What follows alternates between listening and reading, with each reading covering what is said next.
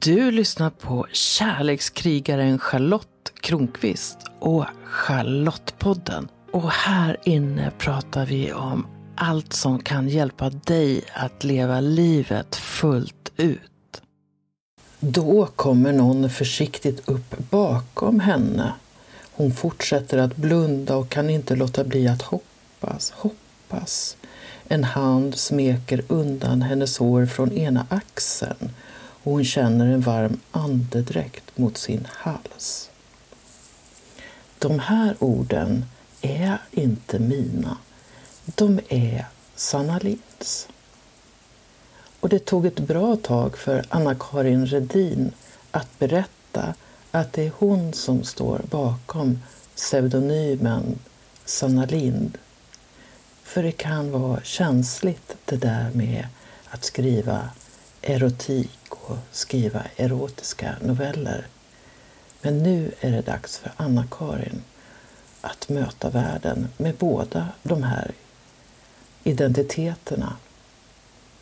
Jag frågar henne om Sanna Lind och Anna-Karin Redin är två personer. Men Anna-Karin svarar nej. Hon är båda två samtidigt. Så lyssna på ett samtal mellan mig och Anna-Karin Redin, eller ska vi säga Sanna Lind. Jag sitter här med Anna-Karin Redin som skriver erotiska noveller under pseudonymen Sanna Lind. Välkommen Anna-Karin! Tack Charlotte! Hur kom det sig att du började skriva erotiska noveller? Ja, mitt skrivande började faktiskt för över 20 år sedan. Och det kom helt plötsligt faktiskt. Ehm, jag satt på en tjänsteresa. Jag var på Arlanda, satt på flygplatsen, väntade på mitt flyg. Och helt plötsligt så dyker det upp en, en bild, en fantasi i mitt huvud. Så här, den, den bara dimper ner. Och jag känner, wow, vad är det här för någonting? Och eh, börjar skriva i mitt arbetsblock.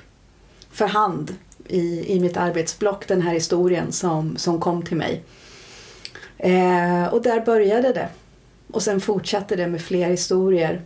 Jag skulle säga också att mitt skrivande vid den tiden, när det började, också knöt an till den relationen som jag levde i vid det tillfället. Och att det i den relationen fanns en, en längtan efter mer utforskande och nyfikenhet. Och att mitt skrivande då också blev ett sätt att dels nära mig själv med njutning men också en önskan i att sträcka ut handen och bjuda in min partner till du, ett utforskande. Så du skrev din längtan på något sätt? Det kan man ju säga att det blev ett uttryck för, för det också. Så liksom både inåt mot mig och utåt mot, mot honom. Vad spännande. Du skriver ju under pseudonym. Mm. Från början så skrev jag ju bara för mig själv och i, i relation till min partner då. Men sen när idén väcktes att ska jag våga? Ska jag våga publicera, spela in och dela det jag skriver? Så var det början på ett det var en spännande resa. För när jag först fick idén så blev jag också ganska rädd. Tanken är, och hjälp! Vad ska andra tycka och tänka? Jag har mitt vanliga jobb, det är min familj. De tankarna. Så från den allra första början så var pseudonymen väldigt viktig. Det var som att jag skulle gömma mig bakom den, den skulle skydda mig. Ingen skulle liksom... Det var viktigt att inte få reda på vem jag var. Men det ändrade sig.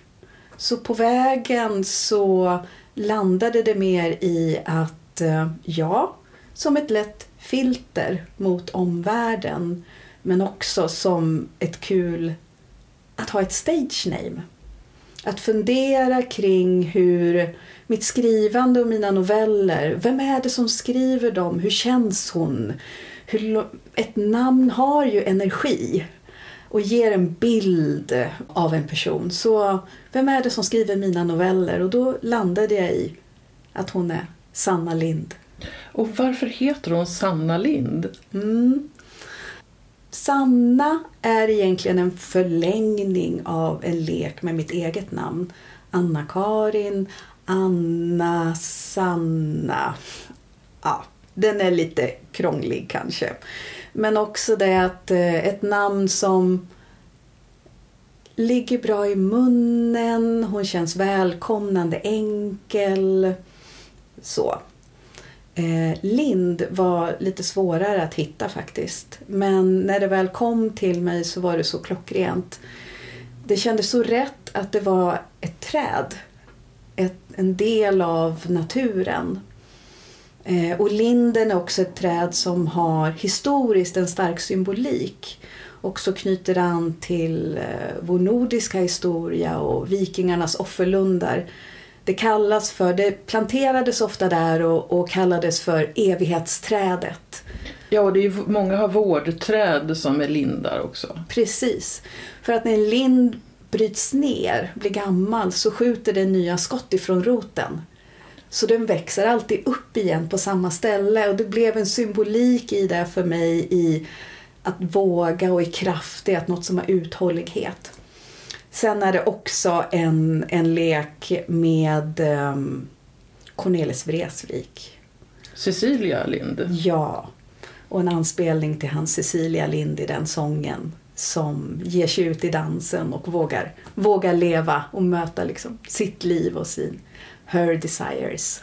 Jag fyller snart 17, sa Cecilia Lind. Ja. Balladen om Fredrik Åkare och fröken Cecilia Lind. Mm, ja. Stämmer. När du skriver, mm. är du Sanna Lind då? Nej, det skulle jag inte. Ja och nej. Vi, det är som att vi är en, hon är en facett av mig och vi är en och samma samtidigt. Så när jag skriver, när jag verkligen kommer in i flödet av skrivandet, då är det som en, nästan som en slags kanalisering. Tangenterna, det, är som, det bara rör sig. Det bara kommer. Gud vad härligt.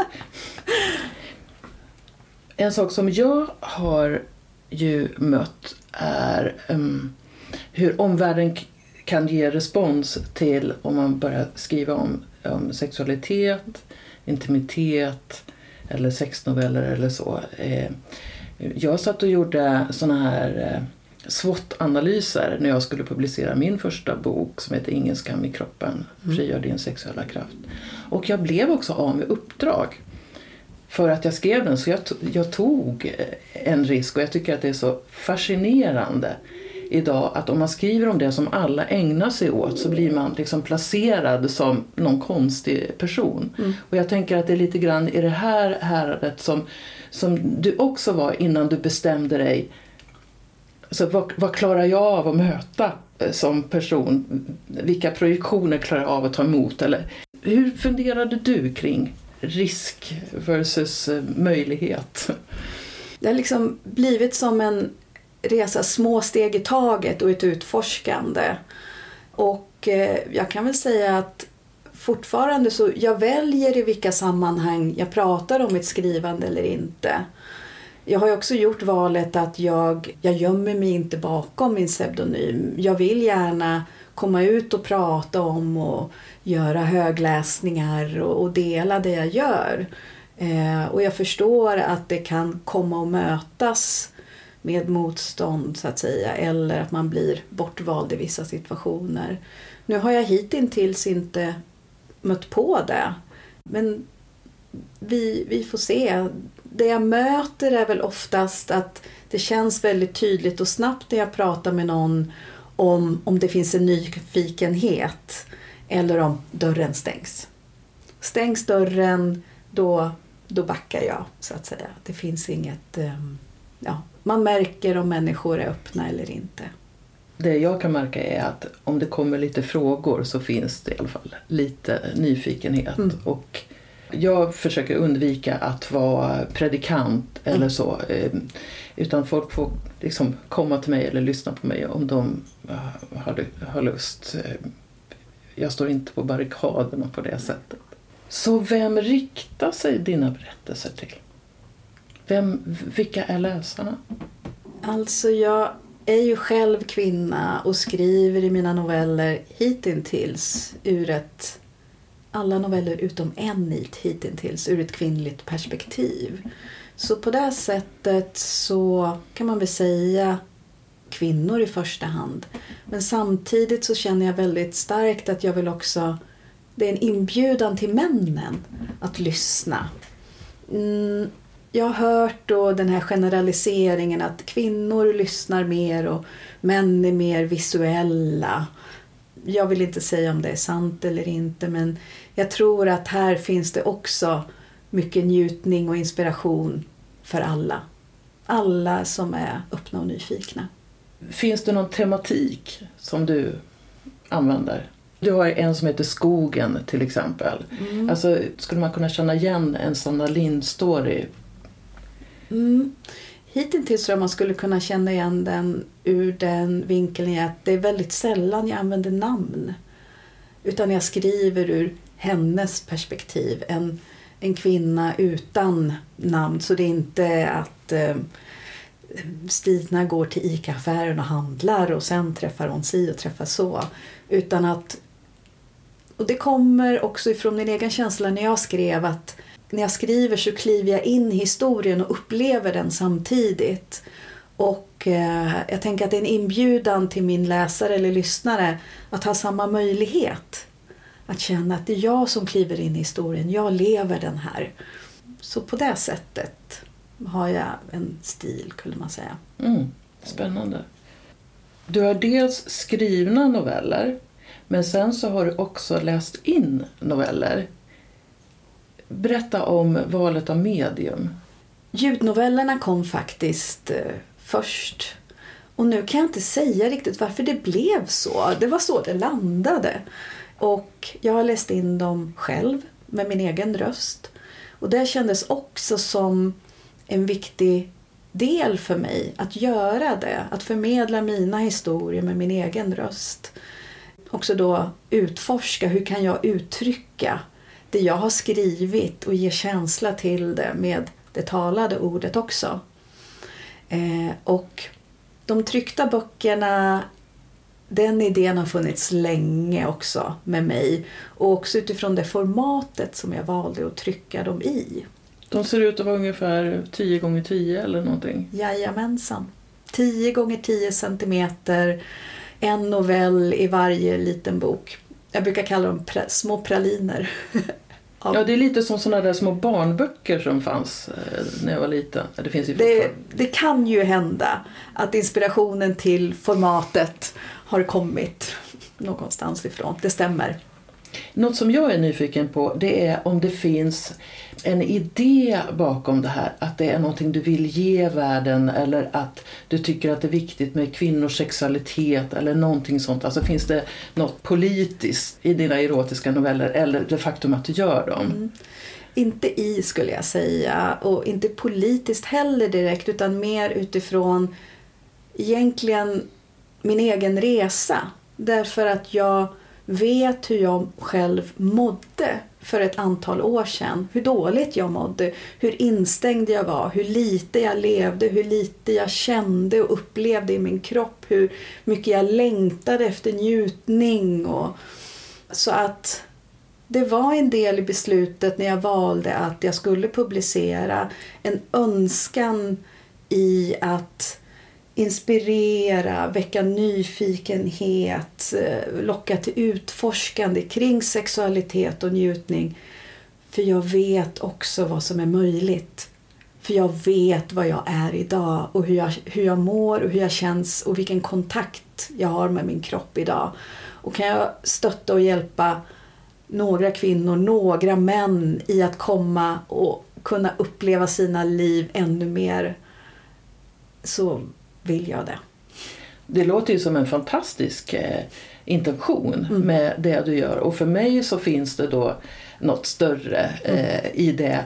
Jag, jag, jag gjorde sådana här citattecken när jag sa politiskt men mm. när man vill vara med och, och förändra någonting då kallar jag det politiskt.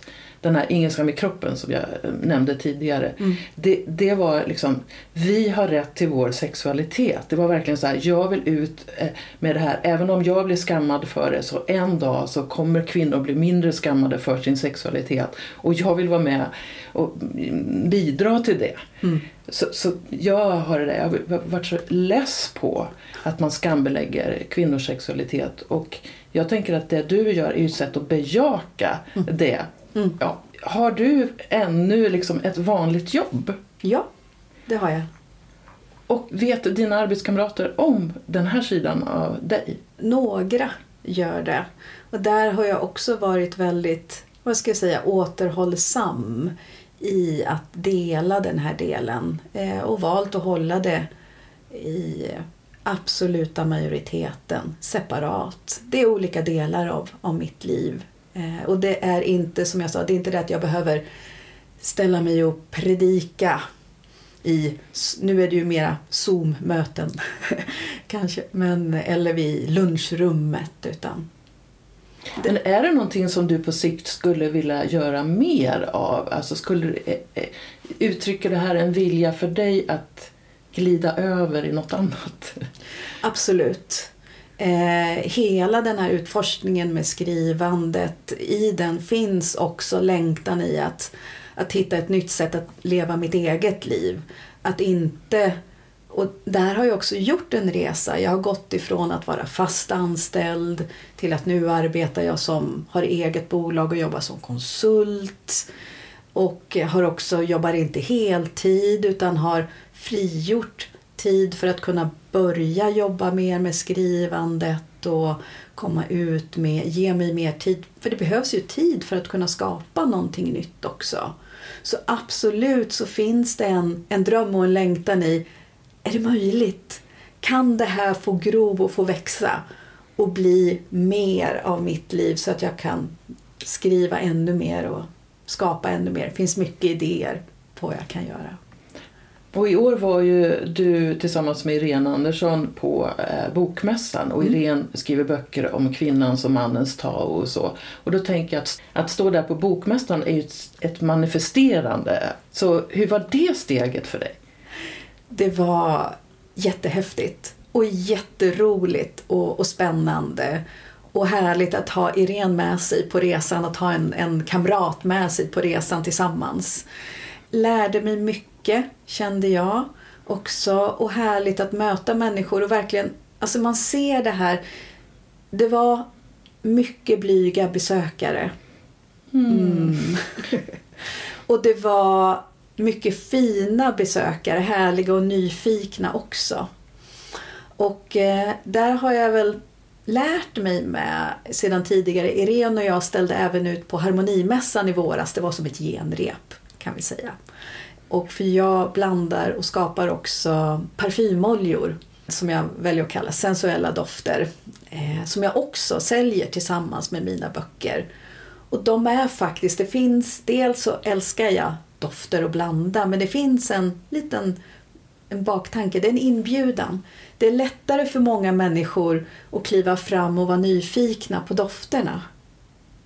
Jag håller med. För, ja. det, för att även om dina böcker är små till formatet så kan det vara Alltså det kan vara lika läskigt att köpa en sån där som att gå och köpa kondomer eller något. Så ja. Tänk om någon ser mig. Ja, precis.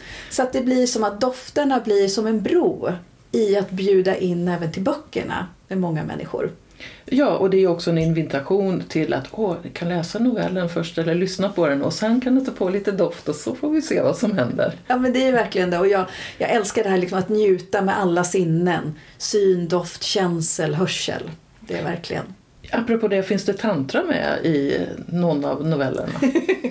ja, men det kan man väl säga. Alltså utifrån, utifrån den beskrivningen att det finns att beskriva alltså att vara med och vad händer i nuet och, och så. Sen vet jag inte om jag kan säga direkt att jag pratar explicit om, om tantra eller så. Mitt skrivande har oftast varit väldigt oplanerat. Det kommer en idé och så börjar jag skriva och så blir det det det blir spännande. Ofta när jag skriver någonting så kan det vara att jag står i duschen till exempel och så kommer en mening eller en rubrik eller så när jag ska skriva för mig. Och sen sätter jag mig ner och skriver och sen så när jag är klar så här Ojsan, blev det det här? Det är som att, att någonting töms ur. Ja. Eh, och jag kan inte redogöra för det innan, vad det ska bli. Nej. Ja, då har vi ju lite Ja. liknande så här flöde som kommer. Ja. Ja, vad spännande. Och där tror jag faktiskt att det är lite så att för att flö- det där flödet ska komma så får man tillåta att det kommer, att man kan ha spärrar mot det. Mm. Jag måste veta i förväg eller eh, så. Så jag tänker bara det måste ju varit himla härligt att upptäcka det. Mm. Jo, men sen, då kommer ju då, eh, det, alltså, om du har en idé om att så småningom leva på det. Så Mm. jag, jag gick in på Sanna Linds eh, hemsida och, eh, och då, nu har du startat med eh, Patreon. Och Patreon är ett sätt att man kan månadsbetala. Eh, man prenumererar på, någon, på en tjänst och jag såg att du hade lagt lite olika nivåer Mm. på hur, hur mycket medlemmarna kan betala. Det var modesta summor. Hur tänker du kring att, att starta en, en community, en Patreon-community? Mm. Vad, är, vad, är tank, vad är din tanke? Vad är din, ditt mål, intention, vision? Ja. Och det har också varit ett utforskande för mig. Hur ska jag möta mina läsare och lyssnare och dela? Och det första sättet jag testade på det var faktiskt att jag, jag byggde en webbshop. Jag skapade en webbshop och, där man kunde köpa mina tryckta böcker och man kunde faktiskt streama, köpa och streama mina novell, ljudnoveller från hemsidan. Jag var jätteduktig och det blev jättemassa krav kändes det som och jobbigt och det skulle drivas människor till hemsidan för att skaffa köp och sådär. Och jag fann helt enkelt att det var inte mitt sätt att nå ut till mina läsare och lyssnare. Det funkade inte för mig. Och Patreon hittade jag, jag har hört om det tidigare och när jag tittade närmare på det så kände jag, nej men det här känns mera rätt. Jag kan skapa en plats där jag publicerar och delar det jag skapar, där det finns en inbjudan. Välkommen hit och häng med mig. Var med på mitt äventyr om du är nyfiken. Och du är välkommen att hälsa på och säga Wow, coolt att du gör det här.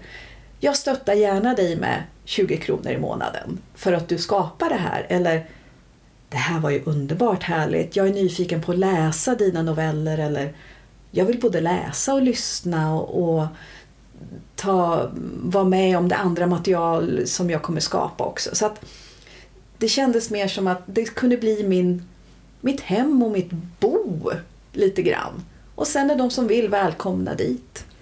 Så du skapar ett sammanhang för dina läsare och lyssnare? Ja, känns det. Med en, ja, mer som en, som sagt var, en inbjudan välkommen hit. En känslan som var i att driva webbshop, där var mer kom och köp.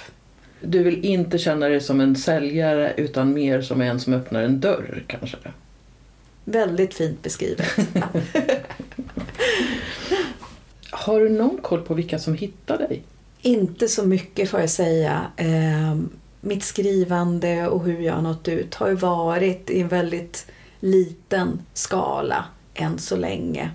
Eh, också beroende på att jag har jobbat till väldigt till nyligen. Jag har jobbat heltid också. Jobbat heltid, ta hand om familj.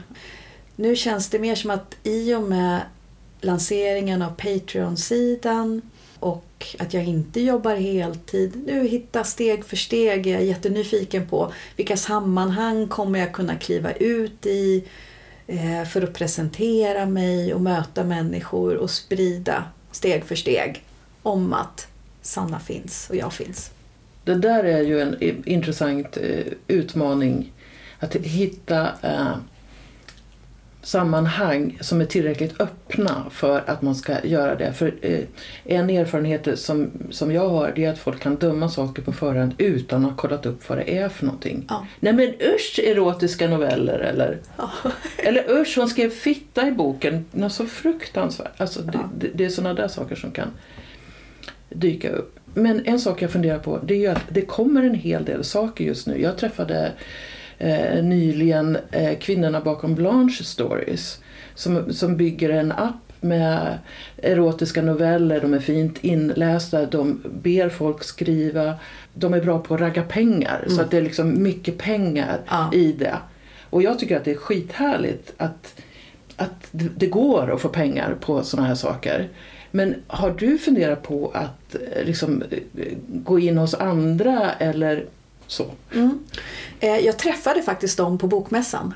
Ah. Ja. Så vi pratades vid lite där.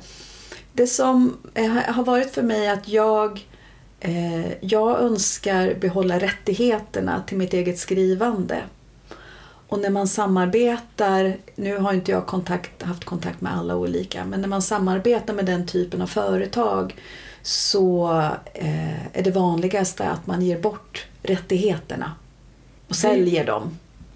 Ja, det är en viktig grej. Så du vill äga di, ditt material själv? Så känns det för mig i dagsläget, ja. Mm. Tror du att det kommer bli en större eh, marknad för för till exempel erotiska noveller eller liknande?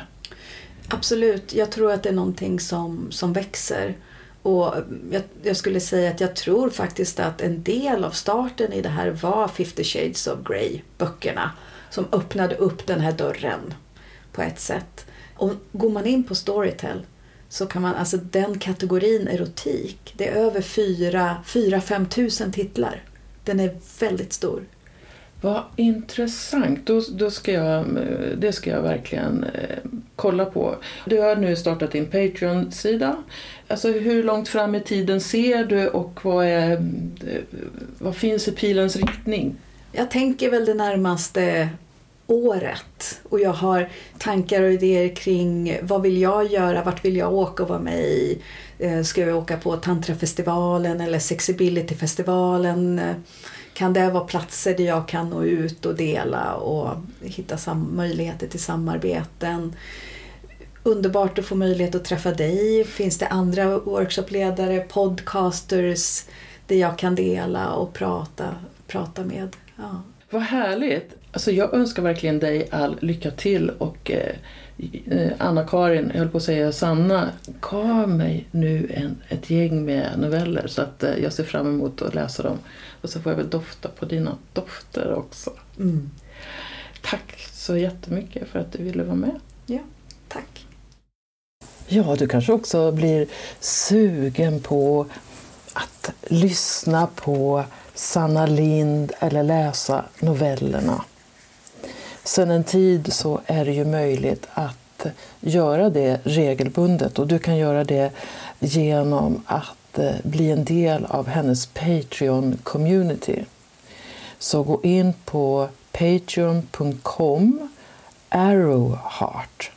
Arrowheart. Där hittar du Sanna Linds erotiska noveller. Och det är vinter nu, det är mörkt nu, men jag hoppas att du har ljus inom dig till våren är det dags för lekfull tantra igen. Och i slutet av februari är den första parkursen. I slutet av mars den första kursen som är öppen för alla. Blir du nyfiken på vad lekfull tantra kan vara för någonting? Gå in på charlottekronqvist.org. Och är det så att du känner dig lite mörk och dyster och så nu under vintertiden. Du kanske behöver lite coaching. Jag kan finnas där för dig. Och de flesta som vänder sig till mig brukar prata om sånt som har med intimitet, kärlek, sexualitet och relationer att göra. Men jag är öppen för att tala med dig om precis det du behöver i ögonblicket. Ta kontakt, vet jag. Kom ihåg att prenumerera på Charlottepodden så att du är med när nya avsnitt kommer. För vem vet vad du kan få lära dig om livet i det avsnittet? Rekommendera gärna podden till en vän så är du med och sprider vetskap om att den här podden finns och berätta vad den ger just dig. Jag skulle bli så glad om du också går in i din podcast-app och lämnar en kommentar eller skriver en recension av podden. Ju fler som gillar podden öppet, desto fler kommer också att hitta den.